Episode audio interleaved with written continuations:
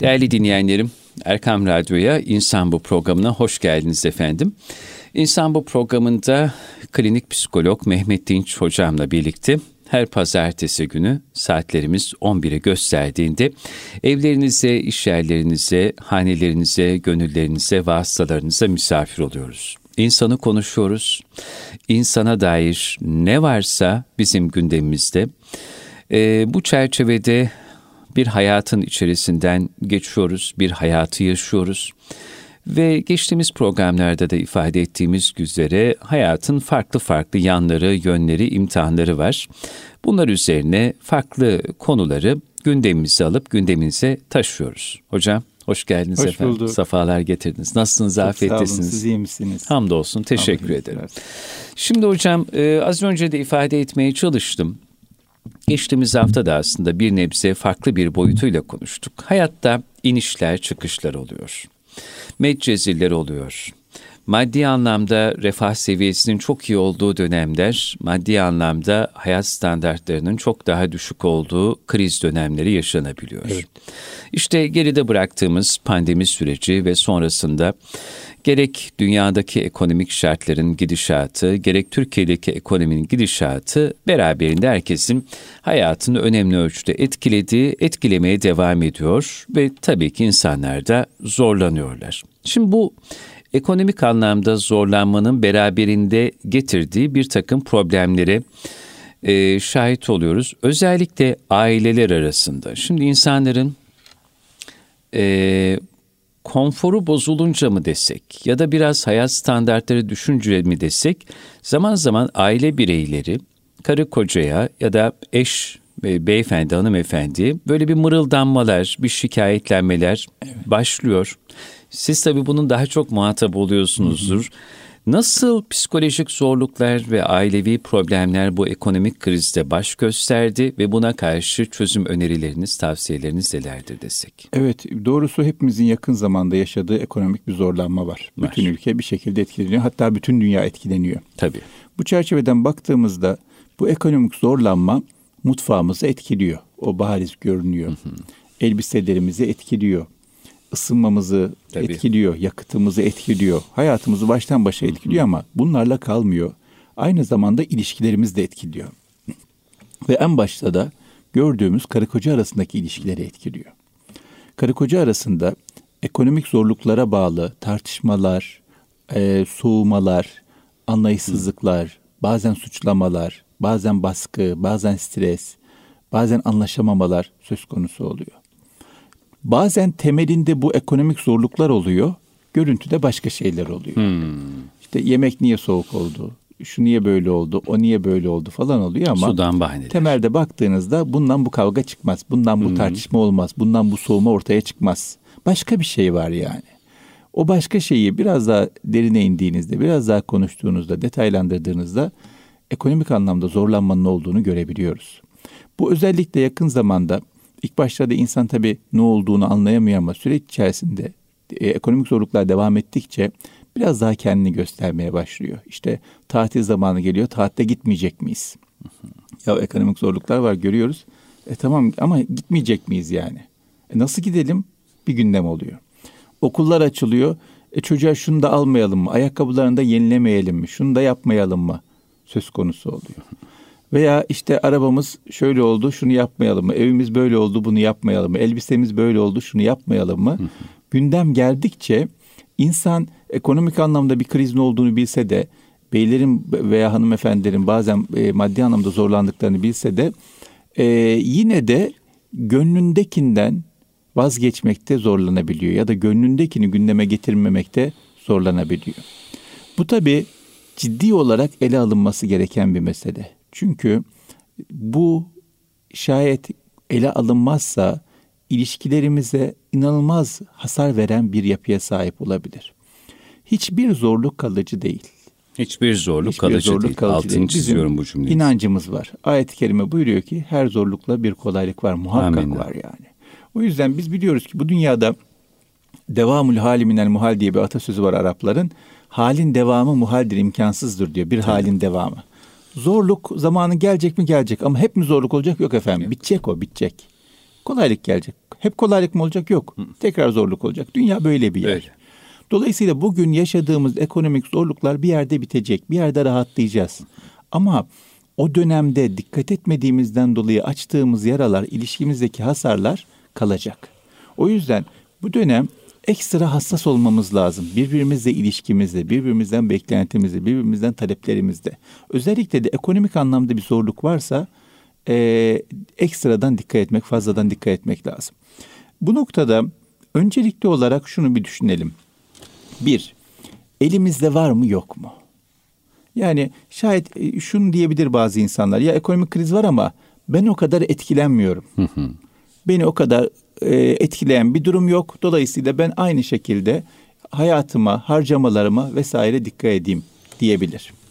Böyle bir şey varsa Allah daha çok versin. Ne kadar güzel etkilenmemişsiniz çok fazla. Böyle bir durum varsa yine de bir tasarrufa gitmek lazım. Çünkü herkesin zorlandığı bir dönemde siz rahatsanız ve bunu gösteriyorsanız dikkat çekersiniz.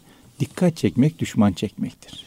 Hasedin hedefi olmaktır. Evet. Dolayısıyla her dikkat e, çekmek düşman çekmektir. Hasedin hedefi olmaktır. Aman dikkat. Evet. Dolayısıyla elimizde var. Kendimize harcamayalım, paylaşalım.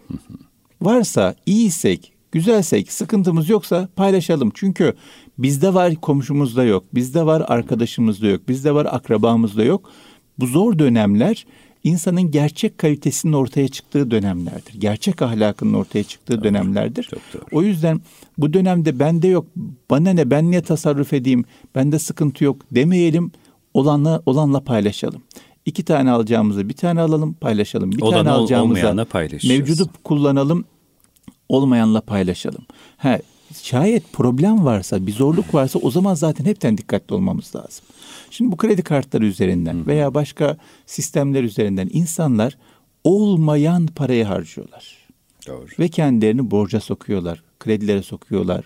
Böyle sonu gelmez bir kısır döngü içerisinde hem kendilerini yiyorlar, hem aile düzenlerini bozuyorlar, hem de hayatlarının ciddi anlamda kalitesini düşürüyorlar. Bu Dövüş Kulübü diye bir film vardı. Orada bir söz geçiyordu. Diyordu ki insanlar sahip olmadıkları parayla sevmedikleri insanları etkilemek için ihtiyaçları olmayan şeyleri alıyorlar diyordu. Büyük söz. Büyük söz. Sahip olmadıkları para kredi kartıyla aldı, yaptığımız harcamalar. Niye? Bazen cebimizdeki paradan daha çok harcama yapıyoruz. Önümüzdeki ay öderiz. Maaş geldiğinde öderiz falan gibi. Sahip olmadığımız parayı harcıyoruz. Niçin? İhtiyacımızdan gerçekten o şeye çok ihtiyacımız olduğundan mı yok? Diğer insanları etkileyelim. Ezik kalmayalım, geride kalmayalım, sönük kalmayalım, farklı olmayalım vesaire. Ve ihtiyacımız olmayan şeyleri alıyoruz. O yüzden bu dönem ekonomik anlamda zorluk çektiğimiz, dünyanın çektiği bir dönem. Fazladan fazladan fazladan dikkatli olacağız. İki kuruşu beş kuruşu harcarken iki defa düşüneceğiz. Ki bu dönem e, ilişkimiz bozulmasın, ailemizin sistemi bozulmasın, eşimizle problem yaşamayalım ve diğer insanlara e, üzüntü vermeyelim. Yani imkanım var ama göstere göstere harcamam diğer insanların gönlünü bozabilir. Gerek yok. O yüzden bu dönem biraz dikkatli olmamız gereken bir dönem. İhtiyacımız olmayan şeyleri almak konusunda fazladan fazladan dikkatli olmamız gerekiyor. İhtiyacımız olan şeyleri de nasıl alacağımız, ne kadar alacağımız, ne zaman alacağımız, mevcutta idare edip edemeyeceğimiz konusunda da fazladan dikkatli olmamız gerekiyor. Bu noktada en çok insanları etkileyen şeylerden bir tanesi insanların konuşma gündemleri. İşte yaz geldi mi tatile çıktınız mı? İnsanlar soruyorlar. Bu sefer Evet. diyorsunuz ki "Cık, çıkmam lazım. Herkes soruyor. Ya da insanlar yazın dönüyorlar. Biz şuraya tatile gittik, buraya tatile gittik. Diyorsunuz ki ya ben gitmedim bir sıkıntı var, bir problem var. Ya da şunu aldım, şuraya gittim, şu konsere gittim, şunu yaptım. Mesela neyse artık. Gündem neyse o gündemin etkisinde kalabiliyorlar. Bu noktada bizim duruşlarımızın en önemlilerinden bir tanesi şu olacak. Gündemi biz belirleyeceğiz. Yok. Baktık tüketim üzerine bir konuşma var ve özgüvenli bir şekilde insanlar şu tatile gittim, şuna harcadım, bunu yaptım diyor. Biz de özgüvenli şekilde gerçek gündemleri, sahici gündemleri, insanın konuşması gereken konuları getireceğiz ortaya. Sıkıcı görünebiliriz. Hiç önemli değil. Gerçek gündem bu. Doğru gündem bu. Konuşulması gereken gündem bu. E, fa- kimseye faydası olmayan ya da insanların birbirine e, üstün gelmek için, e, şov yapmak için yaptığı gündemlere mahkum kalmayalım. Muhatabı olmayalım, müşterisi olmayalım, dinleyicisi olmayalım. Çünkü insan dinlediğinden etkileniyor. Etkilenir. Kalbi değişiyor. İnsan Düşüncesi değişiyor. Sulanıyordur. Aynen öyle.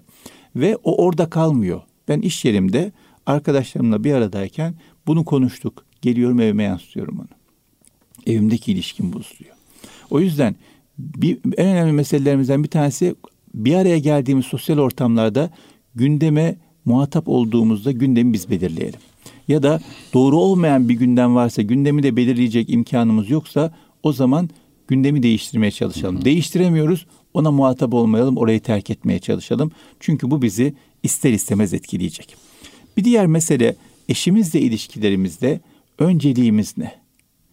Yani iki insanın bir araya gelmesinde, yuva kurmasında, evlilik götürmesinde beklenti nedir? Daha çok harcama yapmak mı? Daha çok eşya sahibi olmak mı? Bir yerlere tatile gitmek mi? Bir arabaya sahip olmak, bir yazlığa sahip olmak mı? Yoksa iki insanın hayatın kolaylıkları ve zorlukları karşısında yoldaşlık etmesi mi? Yarenlik etmesi mi? Hayatı paylaşması mı? Önceliğimiz ne? Şayet harcamalarımızı arkadaş arıyorsak yani ev arkadaşı bulun, bir ev tutun, ev arkadaşı bulun. Evlenmek zorunda değil insanlar yani illa. E, öğrenci gibi öğrenciler nasıl şey yapıyorlar? E, ev arkadaşıyla masraflarını bölüşüyorlar. O şekilde bir tane hanımefendi bir hanımefendiyle ev tutsun, beraber yaşasınlar. E, masraflarını bölüşsünler. O değil, bu değil. E, evlenmek demek hayatın zorlukları karşısında, hayatın sıkıntıları karşısında paylaşmak demek. O sıkıntıları, zorlukları beraberce e, paylaşmak demek, üstesinden gelmek demek. Dolayısıyla ilişkimizde önceliğimiz ne? Bunu çok netleştirmemiz gerekiyor. Birbirimize ekonomik anlamda yüklenmememiz gerekiyor. Önceliğimiz bizim tatile gitmek değil, önceliğimiz şu arabayı almak değil, şu eşyayı almak değil. Bir diğer mesele çocuklarımıza ne bırakmak istiyoruz meselesi. Şimdi çocuklar bizi gözlüyorlar. İki kişi arasındaki ilişkide ne konuşulur? Gündem ne olur? Öncelik ne olur? Biz hayatımızda anne baba olduğumuzda, eş olduğumuzda neyi gündeme getirelim, neyi önemseyelim, neyi önceleyelim? Çocuklarımız para odaklı, harcama odaklı, tüketim odaklı insanlar mı olsunlar? Eşleriyle bunları mı konuşsunlar? Gündemleri bu mu olsun? Birbirlerinden beklentileri maddiyat mı olsun? Niye? Çünkü bizim ilişkimizden rol alıp kopyalayacaklar, model alıp kopyalayacaklar. O yüzden bizim kendi işimizle ilişkimiz, konuşmalarımız, gündemimiz, dertlerimiz, tartışmalarımız ister istemez çocuklarımıza miras olarak kalıyor. Çocuklarımız bizden tüketim odaklı bir hayatı mı öğrenmiş olsunlar? Hmm. Niye tatile gitmedik tartışmasını mı görsün? Kendi eşiyle onu mu yapsın? Niye şu eşyayı almadık tartışması mı görsün? O yüzden ilişkinin bozulduğunu, bunun ilişkinin bozulmasına değer bir şey olduğunu mu öğrensin? Buna da dikkat etmemiz lazım. Yani çocuklarımıza ne bırakacağız? Bir değil, bir diğer önemli mesele de şu mutluluğun e, anahtarı bir şeye çok çok şeye sahip olmak değil. Yunus Emre'nin çok güzel bir sözü var. Diyor ki e, bunca varlık var iken gitmez, gitmez gönül öyle. darlığı diyor. Çok şeye sahip olmak aslında mutluluğu azaltan bir şey. Bakın bununla alakalı dünya kadar psikolojik deney var. Beş tane seçenekten seçtiğinizde, üç tane seçenekten seçtiğinize göre daha mutsuz oluyorsunuz beş taneden seçerseniz daha böyle mutsuz, daha beğenmez oluyorsunuz diye aklınız hep ötekine gidiyor. Çok varlık olduğunda, çok seçenek olduğunda, çok alternatif olduğunda insan kıymetini bilemiyor, tadını çıkartamıyor, yeteri kadar mutlu olamıyor. O yüzden biz mutlu olmak istiyorsak, evet, e, sahip olduklarımızdan keyif almak, huzur duymak istiyorsak çok şeye sahip olarak bunu yapamayacağımızı bilmemiz lazım. Bunun yolu bu değil yani. O yüzden mutlu değiliz. Niye mutlu değiliz? Para harcayamıyoruz. Ekonomik kriz var, şu var, bu var. Değil efendim, değil. Mutluluğu yanlış yerde arıyoruz. O yüzden çok şeye sahip olmakla mutluluğu birleştirmememiz lazım. Bu noktada bir diğer mesele de şu. Asıl olan şey neye sahip olduğumuzdan ziyade sahip olduğumuz nasıl taşıdığımızdır. Bazı insan çok şeye sahip olur ama sahip olduğundan mutlu değil, beğenmiyor o yüzden onu taşımasında bile sıkıntı var. İğreti durur. Ama bir insanın çok eski bir elbisesi vardır. Ama o kadar mutlu, huzurlu taşır ki çok yakışır. Tabii. Çok yakışır ona. Ve o bellidir yani. O Hiç ondan mutlu durmaz oldu. Üzerine. Sakil durmaz. Çok da güzel durur. O yüzden sahip olduklarımızı nasıl taşıdığımız, onlara nasıl baktığımız, nasıl sahip çıktığımız çok önemli. Bizim kültürümüzde özellikle tasavvuf kültüründe eşya ile bir ilişki var Eşyanın kıymetini bilmek var. Eşyaya değer vermek var. Eşyaya da hürmet etmek, tazim göstermek var. O yüzden biz eşyayla hiçbir şekilde minnet hissetmeden atıp tutacağımız, sorumluluk hissetmeden alıp atacağımız bir şey, bir ilişki kurmamamız gerekiyor. Eşya, bize verilen eşya bir nimet. Onun kıymetini bilmek, kadrini bilmek, hatırını bilmek zorundayız. O yüzden e, biraz bu şey e, bir kere giydim, iki kere giydim, beş kere evet, giydim evet. daha giymeyeyim. Ya yeni ama, güzel ama, iş görüyor ama, kullanabilirsin ama yok. Modası geçti, şöyle oldu, böyle oldu. Yapmamak lazım. Bir tane mobilyacı arkadaşımızla konuşuyordum. Dedi ki önceden dedi reklam yaparken evladiyelik diyorduk dedi. Hmm. Şimdi evladiyelik demeye korkuyoruz dedi. Tabii. İnsanlar evladiyelik şey istemiyorlar.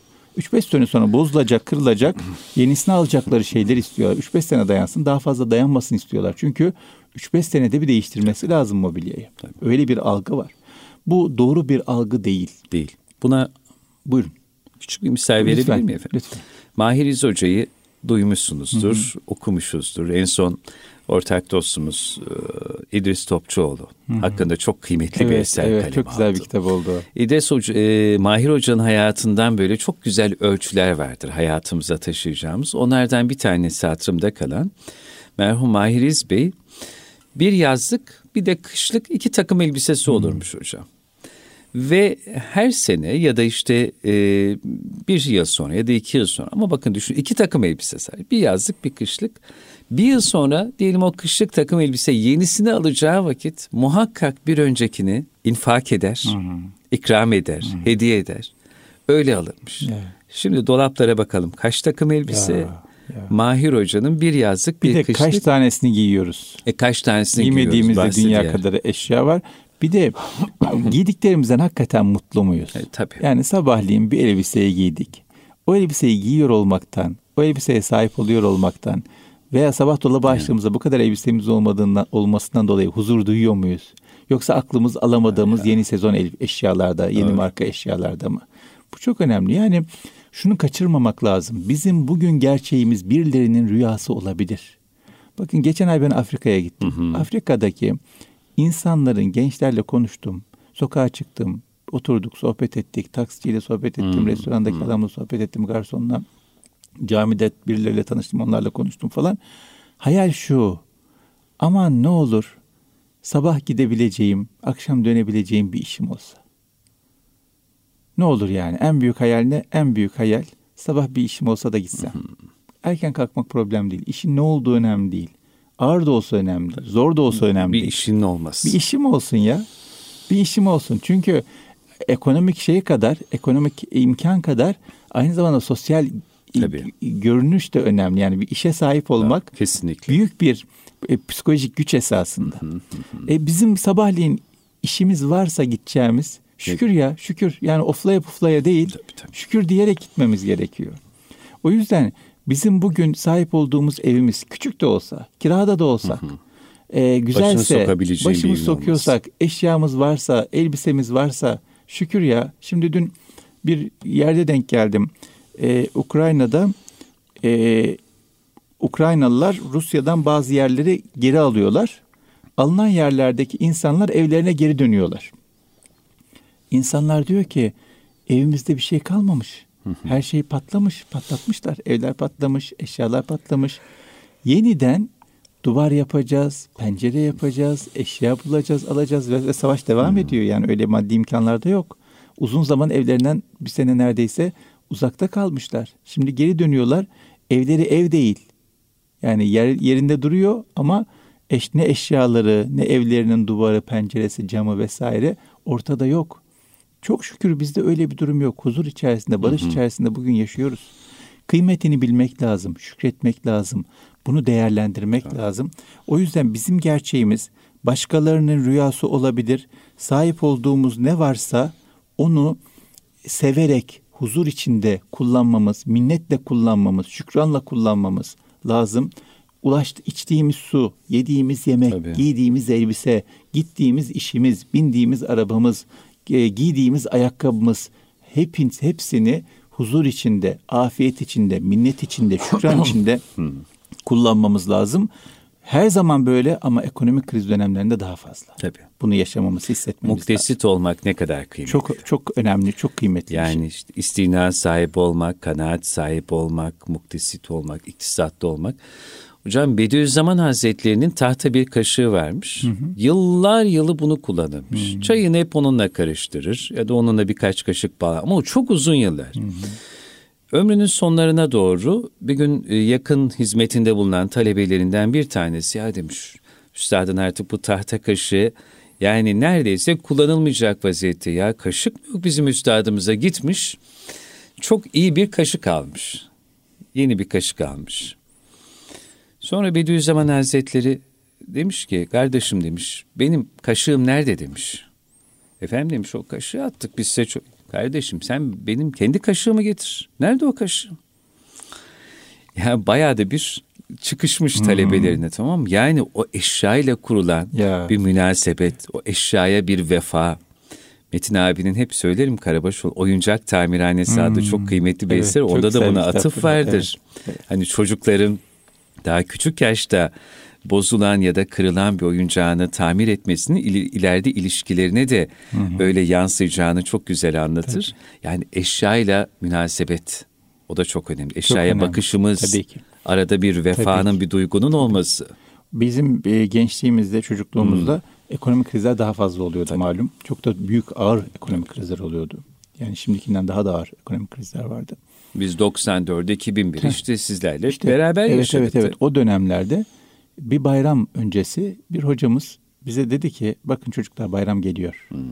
Ne olur babanızı sıkıştırmayın bayramlık elbise alalım diye. O zamanlar bayramda elbise alınır. Normal zamanda o kadar elbise alınmıyor. Aranmaz ama bayramda beklenir. Bayramda beklenirdi.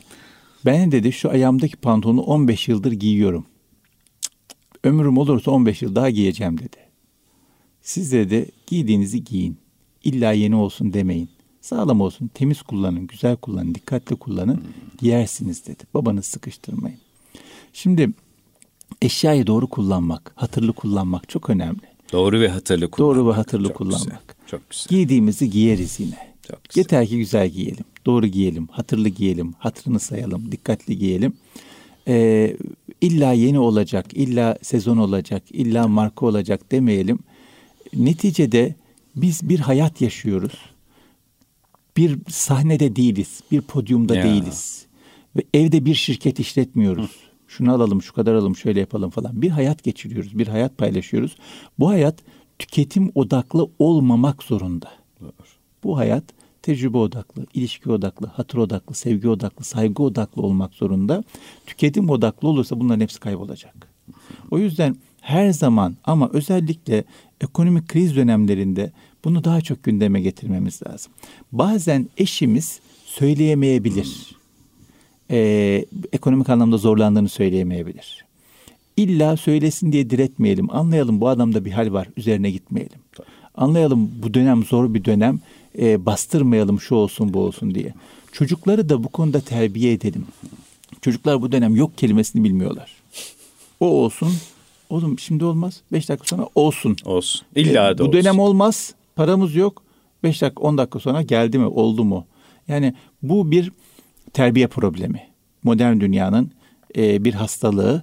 Çocuklarımızı bu hastalıktan ne kadar kurtarırsak o kadar iyi. Çünkü bugün bunu yaşıyoruz. Belki yarın onlar başka bir yokluk yaşayacaklar. Allah vermesin. Ama olabilir. insanlık hali. O yüzden vara da yoğa da alıştırmak lazım. Varlık terbiyesi de önemli. Yokluk, terbiyesi de terbiyesi. önemli. Bu dönemde ekonomik kriz döneminde varsa varlık terbiyesi gözetip harcamayalım, paylaşalım. Yoksa yokluk terbiyesi gösterelim, tasarruf edelim, gereksiz yere harcamamaya çalışalım. Olanın kıymetini bilelim, şükredelim. Ama bu dönem insanların gerçek kalitesinin çıktığı dönemdir. Doğru. Evlilikte zor günün de olduğunun e, ispatı olan bir dönemdir. Biz gerçek kalitemizi gösterelim ve evlilikte zor günler de var. Bu zor günde ilişkiye önem verelim. İlişkimize Yatırım odaklanalım. ilişkiye yatmak. Evet, huzurumuza odaklanalım. İlla bir maddeyle, bir e, tatille, bir başka şeyle mutlu olacağız diye düşünmeyelim. Bizi zehirlemeye çalışan insanlara da bu noktada müsaade etmeyelim. Evet. Yani e, tatile gittim, şunu aldım mı, bunu yaptım mı gerek yok. Şimdi bakıyorsunuz insanlar eğitim anlamında da birbirini zorluyor. İşte çocuğa özel ders aldıralım. Çocuğa şu test kitaplarını aldıralım. Çocuğu şu dershaneye gönderelim. Ya bunlar önemli. İmkanlar varsa muhakkak değerlendirirsin. Ama imkan yoksa insanın ilişkisini, huzurunu, evinin sistemini bozup bunları yapmasın. Çünkü bakıyorsunuz kazanacak olan çoban da kazanıyor. Dağda Tabii. çoban e, koyun güderken de kazanıyor. Bakıyorsunuz diyor ki ben diyor koyun güderek çalıştım diyor. E, bizim abilerimiz, büyüklerimiz diyorlardı ki evimizde ışık yoktu. Geceliğin sokak lambasının altında çalışır. Tabii. Öyle kazandık geldik buralara diyorlar. Dolayısıyla gayret oldu mu, azim oldu mu, himmet oldu mu insan bir şekilde yolunu bulur. Bir şekilde çalışır, bir şekilde gayret eder, onları geçer. Yeter ki helal hassasiyeti Yeter. ve bereket Aynen inancı öyle. olsun. Aynen öyle. Kanaat olsun. Kanaat olsun. Berekete inanç tabii, olsun. Tabii, tabii. Helal haram gözetmek olsun. Şimdi bir tane danışanım gelmişti geçen yıllarda çok böyle etkilenmiştim. Ee, yetkili etkili bir insan. Diyor ki hanım beni zorluyor diyor. Şunu da alalım bunu da alalım. Bak şunlar şunu aldı bunlar bunu aldı. Hmm. Ya diyorum adam rüşvet yiyor. Diyor ki hanım gemisini yürüten kaptan diyor bana. Ben ne yapayım diyor. Ben ne yapayım diyor. Kafayı yiyeceğim diyor. Şimdi bu bunlar ahlaki marazlar. Maraz. Ahlaki hastalıklar. O yüzden gemisini yürüten kaptan değil. Ya. Başka insanların ramına, başka insanların hakkına, hukukuna tecavüz ya. ederek bir yere gidemeyiz. Gemi Tabii. yürütemeyiz. Olan olan helalle gelmesi lazım. Olan e, doğruyla gelmesi lazım. Doğru yoldan gelmesi lazım. Kimsenin hakkına geçerek gelmemesi lazım. Bırakın hakkını almayı gönlünü bile almamak lazım insanların. Kesinlikle. Yani benim hakkını Hı. almıyorum, kendi hakkımı kullanıyorum ama gönlü kaldı mı kalmasın. Gözü kaldı mı kalmasın. Kalmasın, kalmasın yani. Doğru. Bizde göz göz hakkı diye bir şey var, göz kalması diye bir şey var. O yüzden diyoruz gö- göstermeyelim bu ekonomik zorluk döneminde insanlara imkanımız olsa bile harcamayalım, paylaşalım. Olmayan evet. insanla paylaşalım. O yüzden bu ekonomik kriz dönemleri gerçek anlamda e, ahlakımız sınayacağımız dönemler. Ahlakımızı düzeltmek anlamında iyi bir imkan. Kendimizi, kalbimizi bir yoklayalım, zihnimizi bir yoklayalım. Bizim ilişkimizde asıl olan nedir? Sevgi, saygı mıdır? Muhabbet midir? Huzur mudur? Yoksa bir şeylere sahip olmak mıdır? Bunu ayırt edelim. Gündemimizi kendimiz belirleyelim. Gerçek ihtiyacımız olmayan şeyleri almayalım, almamaya dikkat edelim. Konumuz, konuşmalarımızda bu çerçevede olsun. Çocuklarımıza da bunu gösterelim, öğretelim, anlatalım. Çocuklarımız bir şekilde arkadaşlarına etkilenirse onlarla da konuşalım, duruşumuzu paylaşalım ve gösterelim. Ee, imkanımız varsa paylaşalım, yoksa kanaat edelim. Yanlış yollara girmek hiçbir zaman alternatif değil, çözüm değil, seçenek değil. Hiçbir şekilde yanlış yolu, hakkımız olmayan bir şeyi istemeyelim, e, talep etmeyelim. O yolu düşünmeyelim Hiçbir şekilde yanlış yola girmek yok. Elimizdekinden mutlu olmayı bilelim. Bugün bizim sahip olduklarımız başka insanların rüyasıdır. Sahip olduklarımızın kıymetini bilelim. Evet. Ne diyormuş efendim sahabe hanımları hocalarımız anlatır zaman zaman. Sabahleyin beylerini evlerinden uğurlarken evet. sahabe hanımları dermiş ki kıymetli hocam aman efendi derlermiş Allah'tan kork. Sakın ha sakın evimize haram lokma getirme. Biz dünyada her şeye katlanırız ama ahirette cehennem azabına dayanamayız diyerek onlara ikaz ve nasihatte bulunurlar. Şimdi ben çok gevezelik yaptım Yok, ama kıvam bu. Yok. Yani benim bütün söylediklerimin özeti kıvam Size, bu. Hakikaten sabah çıkarken ne olursa olsun helalin peşinde olacağız. Ne olursa olsun helalin peşinde olacağız. Bu gündemi kaybetmememiz evet. gerekiyor. Mehmet Said Kotku merhum Üstad da Mehmet Said Kotka Hazretleri de çok sohbetlerini, sohbetlerini vurgularmış. O zamanların dermiş hanımları kocalarına nasihat ederlermiş. Ben altın, gümüş, bilezik, yüzük, elmas, yakut istemiyorum. Sadece ve sadece helal istiyorum. Bize helal getir, helal getir, helal getir. Anlattıklarınızın hatırlattığı efendim. Allah razı çok olsun. Çok çok teşekkür ediyoruz. Teşekkür Kıymetli hocam hayatımıza yine böyle mihver olacak çok değerli ölçüler koydunuz önümüze. Ee, dikkat çekmek, düşman çekmektir. Gündemi biz belirleyelim. Mutluluğu yanlış yerde aramayalım. Eşya ile münasebetlerimize dikkat edelim. Hiçbir zorluk kalıcı değildir.